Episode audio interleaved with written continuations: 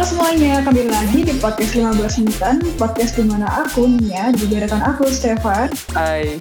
Oke, jadi kita bakal ngelanjutin bahas bidang yang seru banget nih. Kebetulan di episode lalu kita udah bahas uh, bidang terkait flavor and fragrance industry bersama Kodestin, dan sini kita mau menyapa Kodestin lagi. Halo Kodestin.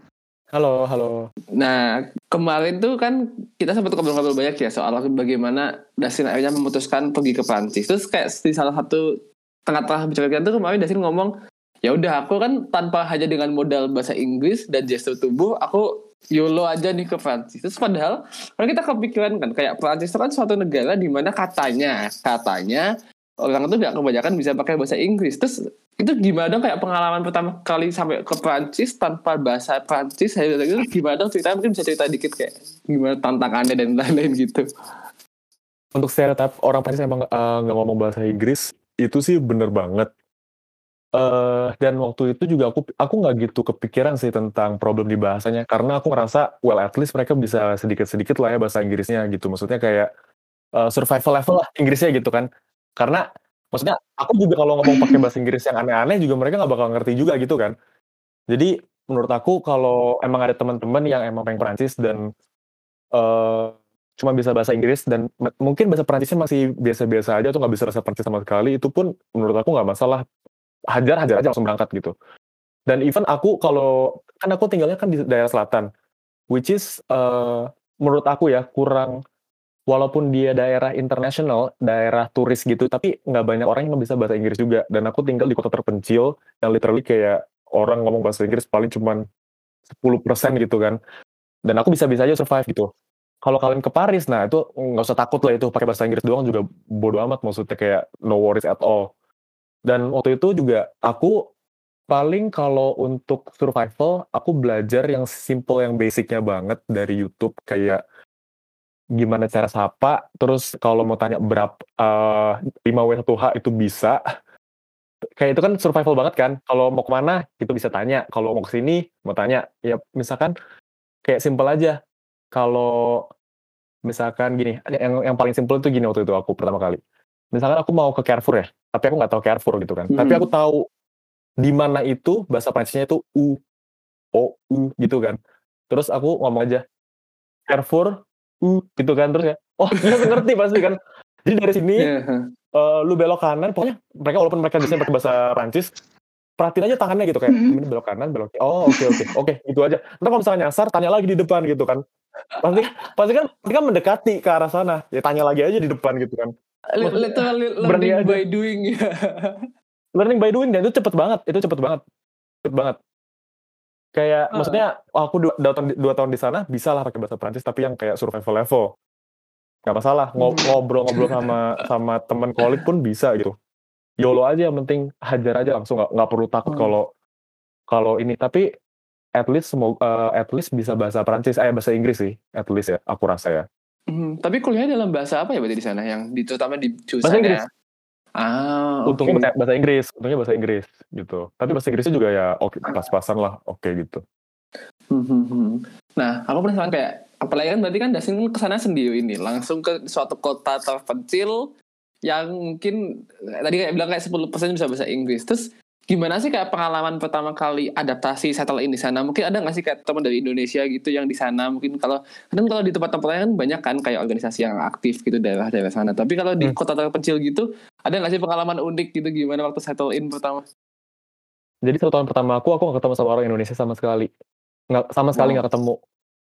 Terus uh, aku tahun per, uh, setelah tahun pertama aku baru ketemu sama satu uh, orang Indonesia dan dia pun karena dia ngeliat YouTube aku kan jadinya kontak aku dan hmm. akhirnya kita ketemuan. Nah itu pertama kali. Cuma satu orang doang tuh. Nah di tiga bulan terakhir aku baru ketemu komunitas orang Indonesia. Dan ternyata banyak banget yang tinggal di daerah selatan gitu. Tapi emang gak ada yang tinggal di kota aku yang terpencil itu. Tapi kebanyakan di kota besar. Contohnya kayak Dini sama Dikan.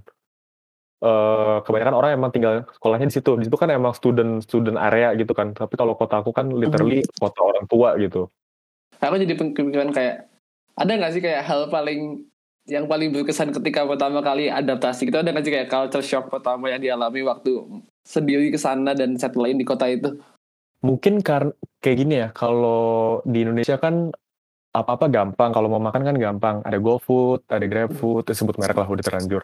Uh, maksudnya uh, makanan itu bisa di atau nggak ke abang-abang nah abang-abang kaki lima kan murah kan juga nasi goreng gitu-gitu. Ya. Tapi kalau di sana itu uh, ada juga tapi bukan kayak ma makanan uh, abang-abang pinggir jalan tapi lebih ke arah kayak misalkan kayak food store apa ya kayak kayak dalam dalam gitu. Dan itu mahal gitu. Nggak ada yang murah. Kalau ready to eat food itu nggak ada yang murah gitu. Paling shocknya di situ kita harus siap masak. Apalagi kan dulu kan aku nggak emang nggak hobi masak kan. Jadinya harus belajar masak. Lumayan agak harus penyesuaian juga di di masaknya aku juga aku ngerasa kayak kalau masak itu kan aku nggak bisa ngelakuin something hal yang lain dan harus uh, literally uh, apa ya ngasih waktu untuk masak doang untuk makan doang gitu. Nah paling di situ harus penyesuaian lagi. Aku karena aku orangnya banyak praktis gitu. Terus toilet. Hmm. kalau udah tahu kan toilet itu kan gak ada semprotannya. Jadi dan aku udah tahu. Itu pasti aku hidup tiga tahun di Jepang sebelum bisa move on sama semprotan supaya itu kenapa coba kalau nggak ada semprotan kan biasanya kan kalau orang Indo pakai botol kan dibolongin tutupnya dan aku aku sama aku aku nggak nggak maksudnya aku nggak suka dan karena aku tinggal bareng sama orang juga kan kalau uh, colocation hmm. tapi ke, hokinya untungnya ada semprotan di rumah saya waktu wow. itu jadi kan tapi toiletnya toilet kering kalau kalau basah itu. itu chance mungkin satu persen doang dibanding seratus persen makanya dan Bener. tapi toilet toilet kering jadi kalau basah dikit harus lap basah dikit harus lap itu kan benar-benar hmm. harus hati-hati banget gitu. Itu sih paling uh, kalau di tempat tinggal yang dulu ya tisu kan. Mau apa lagi nggak ada pilihan lain. Jadi se sebenarnya tuh kayak pengalaman-pengalaman yang berkesan tuh malah hal-hal kecil gak sih yang dulu kita nggak pernah kepikiran gitu terus baru ada realitasnya. Oh benar juga kayak dulu kita take for granted gitu gak sih Benar, benar, benar banget take for granted kayak makanan kan GoFood segala macam kan ih kayak apa sih gitu kan jadi langsung langsung datang. Terus toilet semprotan siapa yang kepikiran semprotan itu sangat berguna? Iya, iya benar-benar. Kalau dari kalau Destin sendiri sebenarnya kan tadi bilang kalau kotanya itu kota tua-tua ya. Hmm. Apakah emang kampusnya ada di kota tersebut atau di kota lain? Jadi Kak Destin harus bolak-balik gitu. Oh iya. Jadi uni aku hmm. emang di kota itu. Kenapa di kota terpencil itu? Karena kota aku ini anggapannya dibilang kota uh, fragrance di dunia. The city of perfume in the ah. world. Grass, kota grass. Nah makanya uh, mungkin sebagai salah satu uh, taktik marketing jadinya ditaruhnya di sana gitu gitu aja sih sesimpel itu aja gitu hmm. nah tadi karena karena kebetulan ini kan Dasin itu kan sebenarnya itu adalah guest pertama kita dari Prancis jadi kita kepingin nanyakin beberapa hmm. hal soal Prancis terutama Prancis yang kita kepingin tahu ini benar apa enggak gitu kan oke okay. oke okay, nah boleh yang pertama gini soal Prancis yang kalau kita kepikiran soal Prancis yang kalian kita terpikir adalah industri fashion sama food industry karena mereka kan terkenal kayak Michelin star restaurant habis itu kayak gourmet gitu-gitu kan misalnya nah mm-hmm. Apakah emang semuanya orang di Prancis itu makanannya model yang kayak fancy fancy gitu atau sebenarnya itu hanya cuma yang terkenal di internasional doang? Uh, mungkin kalau fashion menurut aku bener sih. Orang orang orangnya itu sampai tua pun masih kelihatan kayak uh, fashion fashionable masih masih masih peduli lah dengan penampilan mereka gitu. Itu pun di kota selatan apalagi di hmm. Paris gitu. Bayangin aja di Paris. Kalau di Paris dari dari yang aku perhatiin sih orang-orangnya bener-bener kayak fashion banget gitu Bang, se-fashion apa maksudnya? Soalnya oh se-fashion apa? Soalnya misalnya kayak kayak kalau di sini aja deh kayak di Jawa kan kadang orang biasa kan kayak keluar ke supermarket cuma pakai piyama gitu ya udah. Tapi kalau kayak di emang se fashion apa sih sampai sampai itu sangat remarkable gitu? Dari yang aku perhatiin kalau orang-orang yang yang peduli sama fashion mereka at least branded sih menurut aku ya. Barang-barang branded. Sama aja kayak di hmm. Jakarta gitu-gitu orangnya. Tapi uh, mungkin brand-brand yang mungkin di Indonesia mahal tapi ternyata termasuk salah satu brand yang kayak biasa aja casual dipakai. Jadi kelihatannya kalau dari mata aku yang awam gitu kayak wih kayak keren banget gitu kan. Tapi padahal biasa aja brandnya di situ gitu simpelnya. Kalau tentang restoran itu paling dari yang aku perhatiin kalau makan di restoran ya, emang restorannya itu kebanyakan kelihatannya itu fancy karena mereka bagus platingnya dan emang enak gitu. Jadi kelihatannya kan kayak mahal. Tapi padahal kalau di restoran-restoran kayak gitu itu emang udah standarnya restoran di Prancis. Kebanyakan emang kayak gitu bentukannya. Platingnya bagus dan emang enak gitu dan harganya pun let's say misalkan kita ngomong ya misalkan uh, plate of the day 15 euro misalkan dan termasuk mahal kan kalau ke Indonesia ini kan Mhm. 15 kali 17 ribu berapa tuh udah 250 ribuan eh tapi di sana standar. Di situ standar. Orang-orang makan segitu itu emang ya udah normal. Dan orang-orang banyak yang makan kayak gitu karena emang beda kan. Terus untuk eh, misalkan itu kan emang paling murah. Kalau untuk kalau kita pesan sendiri nah itu mungkin lebih mahal kayak 20 sampai 30 euro kayak gitu. Emang harganya emang segitu standarnya. Tapi bisa juga kita makan yang lebih murah mungkin lebih ke arah kayak eh, kebab gitu-gitu makanan timur tengah itu kan emang emang pilihan untuk anak-anak kosan biasanya. Anak kosan Iya, kayak kayak aku gitu kan kalau mau makan murah ya ke sana gitu. Re- eh, fast food anggapannya. Lebih murah dan kalau restoran emang mahal banget gitu. Tapi emang standarnya emang gitu gitu. Kalau misalnya kan berarti kalau bisa kurang lebih dua tahun ya di Perancis. Lifestyle-nya sendiri tuh gimana sih? Apakah shifting juga jadi kayak ke arah yang normalnya sana, terus ketika balik Indo jadi Indo super duper murah, atau atau jadi kayak apa ya tetap hemat gitu sih kalau di sana? Ada tips and trick-nya nggak? untuk kesehari-harian eh, paling gini pas aku baru pertama kali datang kayaknya sama semua orang Indonesia yang baru datang ke Eropa atau ke Amerika pasti mereka ngeliat di supermarket itu kan pasti mahal banget kan karena kalian convert terus ke rupiah let's say nasi beras satu kilo 3 euro. Ya, kalian hitung tujuh kali tujuh belas ribu lima puluh satu ribu kan apa-apaan satu kilo gitu kan. Iya, iya, benar. apa-apaan lima puluh satu ribu satu kilo gitu kan. Tapi lama-lama gitu kan kayak oh kita tahu mana yang murah. Misalkan ada yang satu euro enam belas ribu tapi satu kilo gitu misalkan. Dari situ maksudnya kalau udah kebiasa lama dari sana nah pas lagi kita balik ke Indo? Justru sekarang gantian aku ngeliatnya ih kenapa murah banget? Gitu kan pasti kalau ke Indo kan. Jadinya malah kebalikannya malah kebalikannya gitu Tapi ada nggak sih kayak satu kebudayaan, satu kebiasaan lah lebih tepatnya kayak satu kebiasaan yang dilakuin Dasin selama di Prancis yang bakal dibawa ke Indo gitu.